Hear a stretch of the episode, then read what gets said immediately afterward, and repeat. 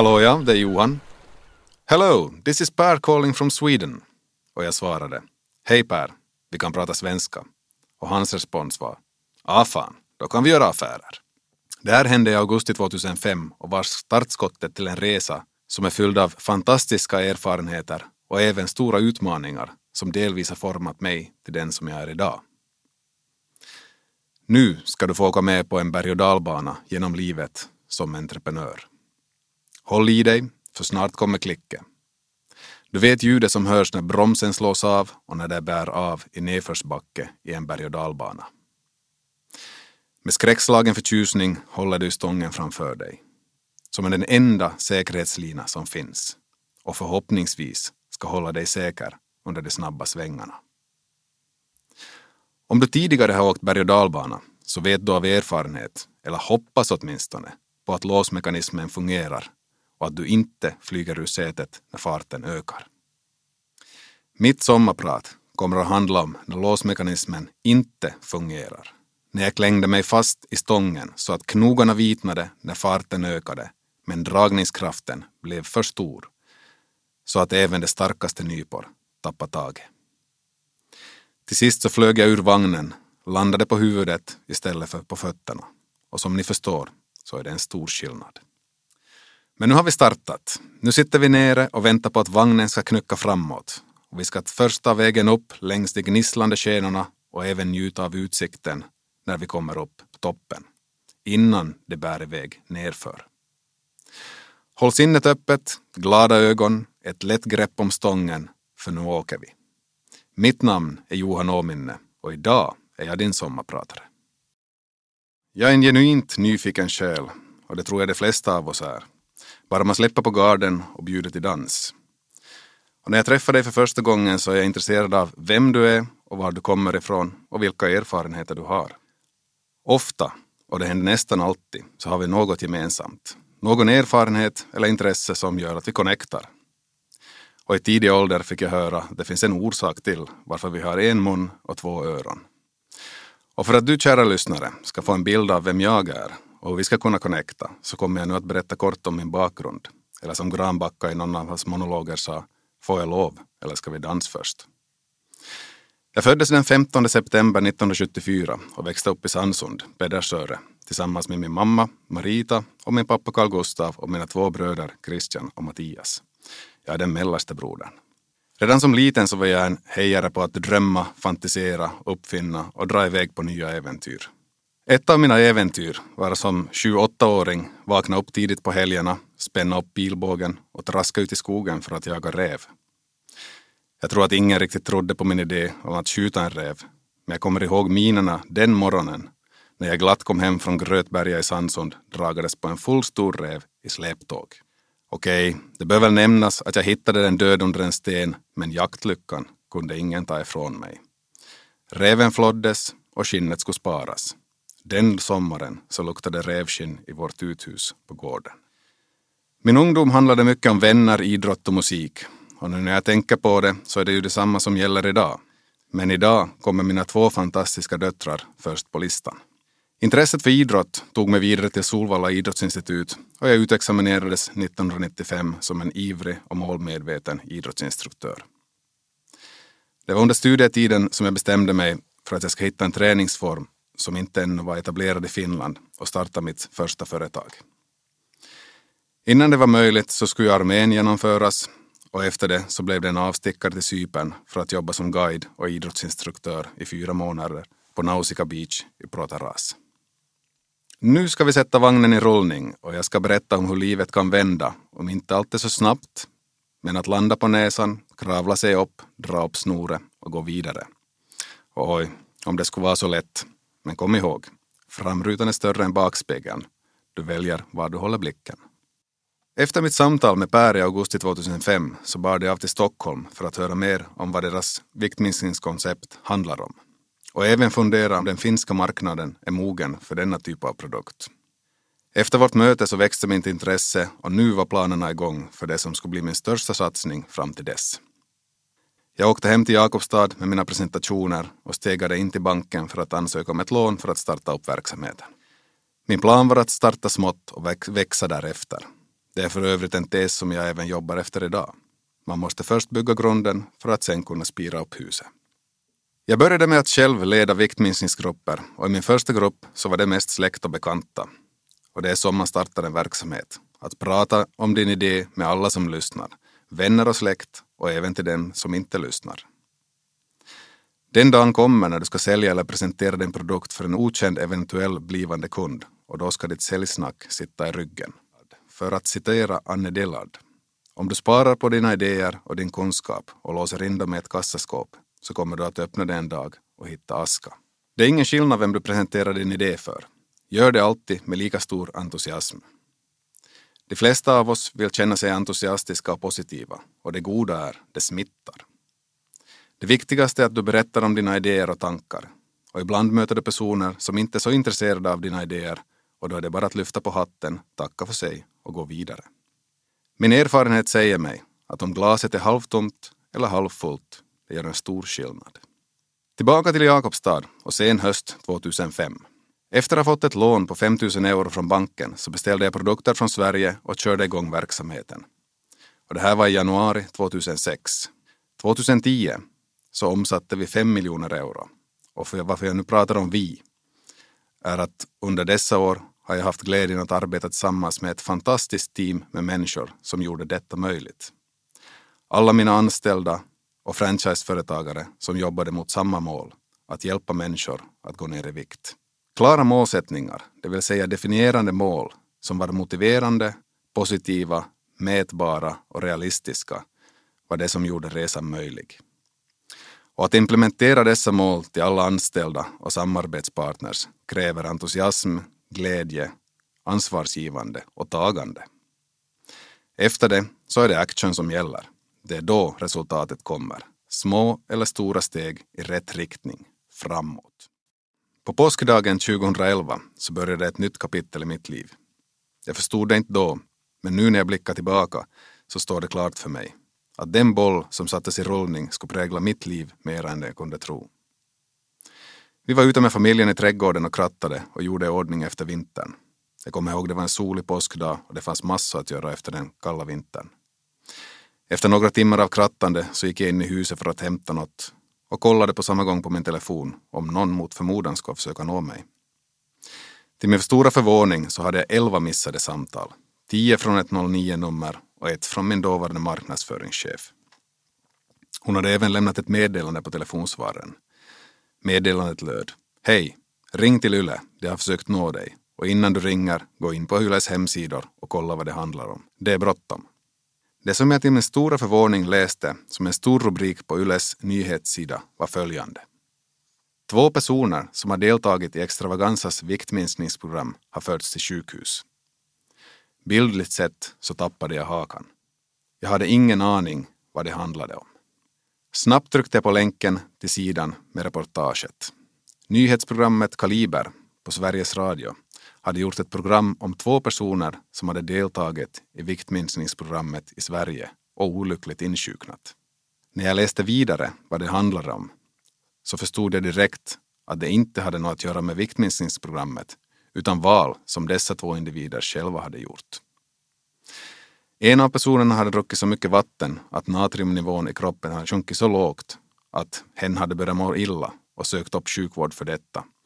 Och den andra personen hade ätit för mycket linfrön, fått förstoppning och fått komplikationer på grund av detta och uppsökt sjukvård.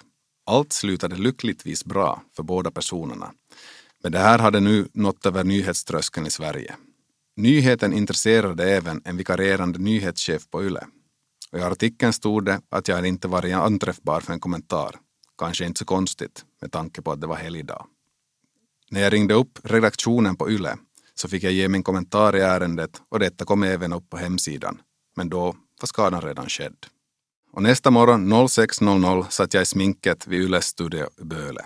Intervjun gick bra och jag fick förklara vad som hade hänt och vad nyheten grundade sig på och att det inte fanns några som helst belägg angående att detta skulle ha någonting att göra med det viktminskningsprogram som vi erbjöd våra kunder. Den här händelsen hade en större inverkan på vår verksamhet än vad jag kunde tänka mig och satte en negativ spiral i rullning som senare skulle påverka både mina anställda, franchiseföretagare och mig själv. Vid den här tidpunkten så omsatte vi 5 miljoner euro och jag hade 11 anställda på kontoret i Åbo. Redan i maj samma år kunde vi se att någonting hade skett på marknaden, men vi kunde inte förstå vad. Alla experter inom mediaområdet lugnade ner mig med att säga att en sån nyhet som vi var med om inte hade någon betydelse och borde endast påverka oss positivt. På samma gång hade LCHF, eller Karpaus, fått sitt fotfäste inom viktminskningsbranschen och nya aktörer kom in på marknaden. Jag var fast besluten om att det här var övergående och att om vi jobbar smartare och effektivare så ska vi kunna vinna tillbaka marknaden. Men så gick det inte. Under hösten 2011 och till våren 2012 så tappade vi 60 procent av omsättningen på sex månader. Vi satsade under den här tiden stora summor i marknadsföring och intresseanmälningar, det vill säga kunder som visat intresse för våra program, ökade med 50 procent. Men ändå gick försäljningen ner med 60 procent. What? Vad är det som händer? Jag fattade ingenting. Det var vid den här tidpunkten som jag kände att allt inte stod rätt till och jag blev tröttare och tröttare och synfältet blev smalare och smalare. Jag hade ett fantastiskt stöd från min familj och vänner och valde att prata om situationen som jag befann mig i. Problemet var bara att jag pratade om sak, inte om hur jag upplevde det och vilka känslor som det påverkade inom mig och hur jag mådde. Mitt namn är Johan Åminne och du lyssnar till mitt sommarprat. Jag har alltid varit mycket målmedveten och driven att genomföra saker som jag brinner för. 1997 när jag jobbade som guide och idrottsinstruktör på ett hotell på Cypern var jag ansvarig för vattengymnastiken vid hotellets pool fyra morgnar i veckan. En morgon när jag kom ner till poolen var det en grupp svenskar som sprang runt i djupa änden av bassängen iklädda neopren flytvästar och jag insåg direkt, där är träningsformen som jag letat efter under studietiden. Efter att jag testat på träningsformen som kallades för djupvattenträning och fått en introduktion i konceptet så beslöt jag mig för att åka hem till Finland och så snabbt som möjligt ta mig till Borås för att lära mig mera. Sagt och gjort, säsongen var över på Cypern och jag hade blivit erbjuden att fortsätta som guide på Gran Canaria under kommande vintersäsong. Men jag hade bestämt mig. När jag kom till check-in på flygfältet så meddelade damen bakom disken att planet är fullt och tyvärr måste jag vänta till följande dag för att det då kanske det skulle finnas en plats för mig på planet. Nej, nej, nej, nej, nej. Det här fick ju inte hända. Jag hade ju bestämt mig för att åka hem. Och i ögonvrån så såg jag att piloterna var på väg till säkerhetskontrollen och jag bestämde mig för att springa dit och fråga om det skulle möjligt finnas en plats att komma med på planet. Jag berättade för piloterna att jag var på väg hem efter en fyra månaders jobbvistelse på Cypern och jag hade världens bästa affärsidé på gång. Snälla, kan ni hitta en plats till mig? De såg på varann och så kom svaret. Äh, häng med, du får sitta i cockpiten med oss. Sagt och gjort. Damen i incheckningen trodde inte sina ögon när jag kom tillbaka för att lämna in väskan med ett brett leende över hela ansiktet. Direkt jag kom hem så började arbetet med att ta mig till Borås så snabbt som möjligt och så billigt som möjligt. Inga pengar hade jag eftersom lönen som jag fick på Cypern var minimal och det mesta gick åt till trevliga fester med mina guidekollegor. Pappa hjälpte mig att dra lite trådar och vips så satt jag bredvid en långtradarchaufför på väg ner till Åbo och sen vidare till Borås. Det var nu som jag insåg hur viktiga kontakter är och att det är en förutsättning för att lyckas som företagare. Kontakter och nätverkande. Det finns alltid någon som känner någon som man kan fråga om råd och hjälp av. Efter två veckors intensiv utbildning och träning så åkte jag hem tillbaka med långtradare igen och väl hemma så körde jag igång verksamheten vid Jakobstads simhall och även senare vid Karleby simhall. Den här verksamheten drev jag i många år och grupperna snurrar ännu i både Jakobstad och Karleby. Ännu idag är jag av den åsikten att djupvattenträning, eller som det nu för tiden kallas, vattenlöpning, är en av de effektivaste och skonsammaste träningsformerna som finns. Det känns bra att verksamheten nu har fortsatt i över 20 år. Hösten 2012 jobbade vi på för fullt och kämpade mot den negativa spiral som hade startats våren 2011. En morgon fick jag ett samtal som igen skulle ändra riktning i mitt liv. Hej, det här är kommissarie X från polisen i Åbo. Du är kallad till förhör. Passar denna tid för dig?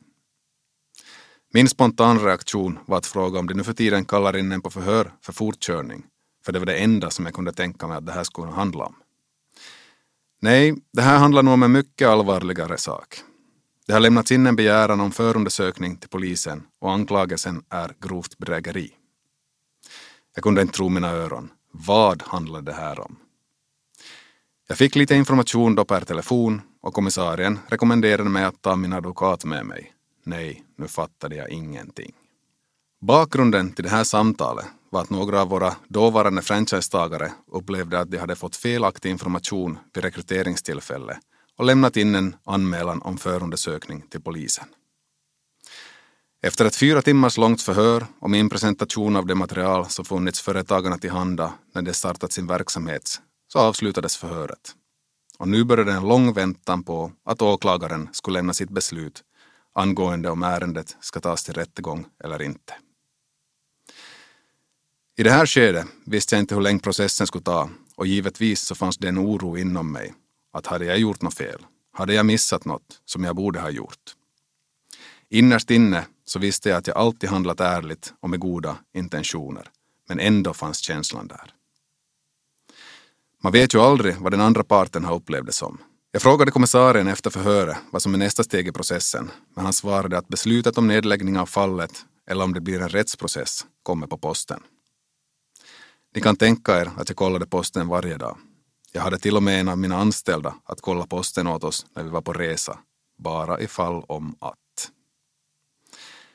Efter en 14 månaders väntan, som kändes som en evighet, så kom beslutet från åklagaren. Jag kommer ihåg den dagen brevet fanns i postlådan. Det brevet som jag hade väntat på så länge.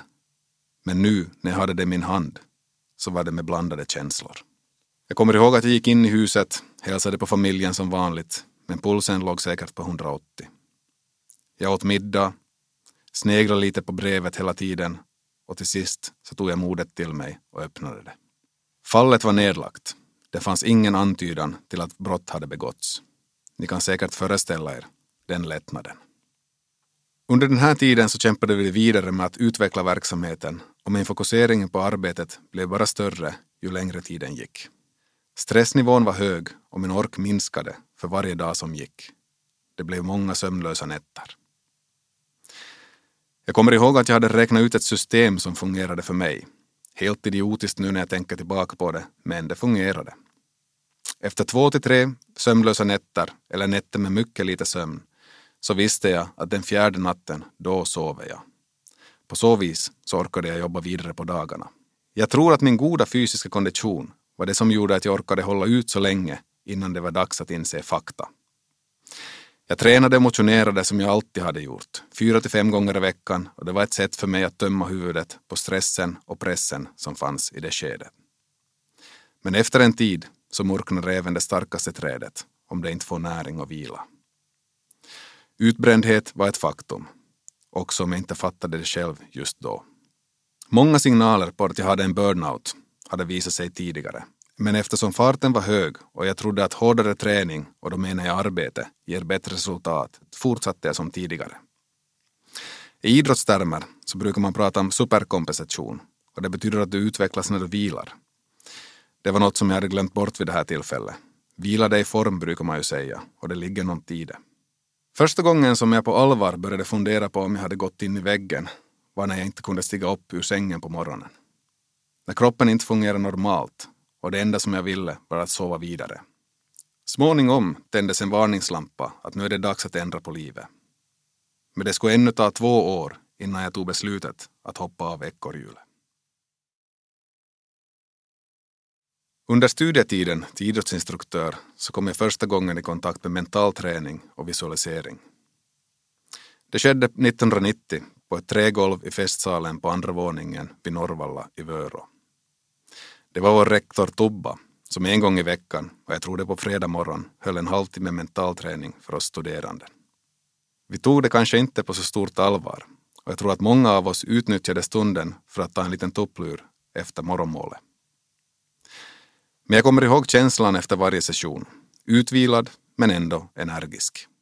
Kanske inte alltid, om det har varit en liten fest kvällen innan, men meddelandet gick ändå fram. Det skulle gå 16 år innan jag stötte på mental träning igen och denna gång på en utbildning i Sverige.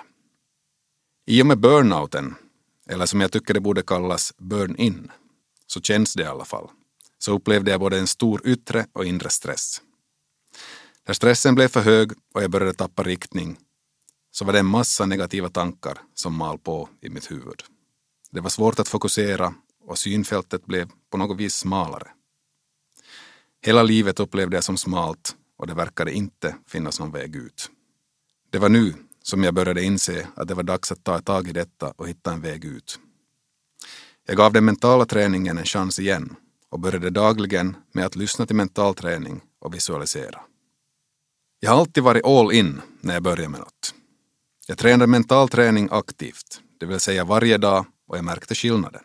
Mental träning är lite som att dagdrömma, men mera systematiskt. Vid samma tillfälle började jag också prata med mina vänner om hur jag känner och då släppte även skammen och känslan för misslyckande. Då bestämde jag mig för att nu ska jag gå till botten med det här och ta reda på vad som har hänt i min kropp och knopp som jag inte kunde styra över eller påverka. Då insåg jag att allt det som hade hänt hade brutit ner min självbild och självkänsla. Även självförtroendet har fått sig en törn, men det var självkänslan som verkligen behövde undersökas och jobbas med. Nu började ett långt jobb med att bygga upp min självkänsla igen. Jag tog del av en massa kurser på nätet, lyssnade på ljudböcker och systematiskt jobbade med att hitta tillbaka. Disciplin var en avgörande faktor i min utveckling. Jag tränade mentalt varje dag och det sägs ju att om du gör en sak i 30 dagar i sträck så blir det en vana och det stämmer. Upprepning är det som formar resultatet och resan fortsätter. En god vän till mig, som också har varit utbränd, frågade mig en gång om jag upplever utbrändheten på samma vis som han gjorde. Som att en strömbrytare skulle vara sönder. Att man inte kan få på lampan igen. Och så kändes det faktiskt när jag tänker tillbaka på den här perioden i mitt liv. Nu när jag har tränat mentalt och jobbat med min självkänsla så skulle jag kunna relatera det mera till en dimmer som man kan skruva på. Ju mera tid som gick, desto mera märkte jag att dimmen flyttades mot plus hela tiden och att glädjen kom tillbaka. Rädslan för att misslyckas försvann, en fantastisk känsla. Alla jobbar vi med mental träning hela tiden i vardagen. Till mental träning hör även målbildsträning. Det handlar om till exempel att visualisera en bild eller en rörlig bild av ett önskat resultat i framtiden. Att fokusera på det du vill. Om vi föreställer att du ska bygga ett hus så tror jag att de flesta av oss börjar med att tänka sig huset när det står färdigt. Inte exakt hur hög sockeln är, var elledningarna går eller hur avloppet är draget. Först ser du bilden framför dig av ditt nybyggda hus. Vilken färg det har, hur det står på tomten och så vidare. Sen börjar du visualisera om detaljer. Vilken typ av tak? Var är terrassen? Och så vidare. I nästa skede så börjar du planera mera detaljer. Kolla på ritningar, mera specifikt vad som ska komma var. Du utgår från en bild och benar ner det till detaljer på en ritning. Det är mental träning och målbildsträning. Få av oss klarar att bygga ett hus utan en ritning. Hur ser din ritning över livet ut? Hur har du ritat ditt liv? Jag upplever att det är avgörande att fokusera på det jag vill, inte på det jag inte vill ska hända. Sen kommer det alltid mindre eller större hinder på vägen och då gäller det att stanna upp, kolla på ritningen eller kartan och köra vidare.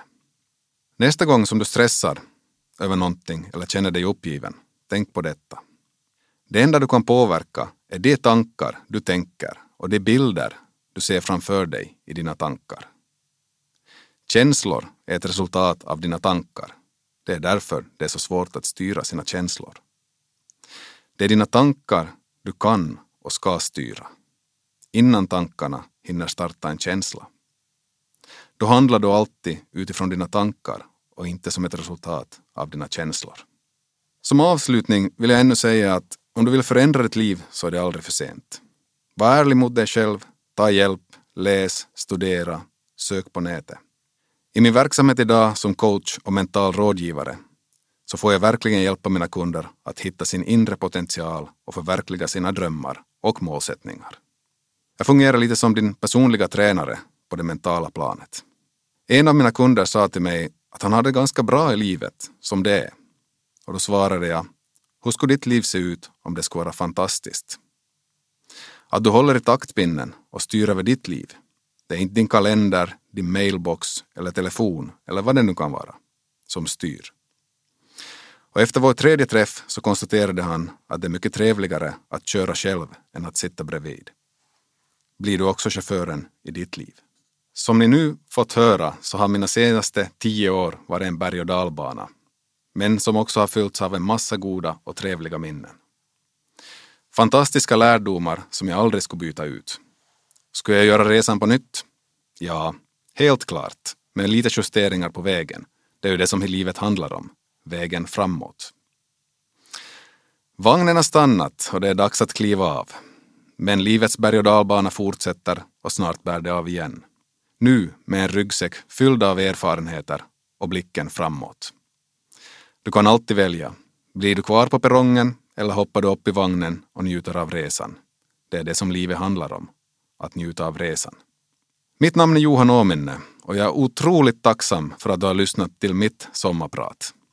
Jag hoppas att du har njutit av vår timme tillsammans och kom gärna och hälsa om våra vägar möts. Jag vill gärna höra vad du tyckte om mitt sommarprat. Njut av sommaren.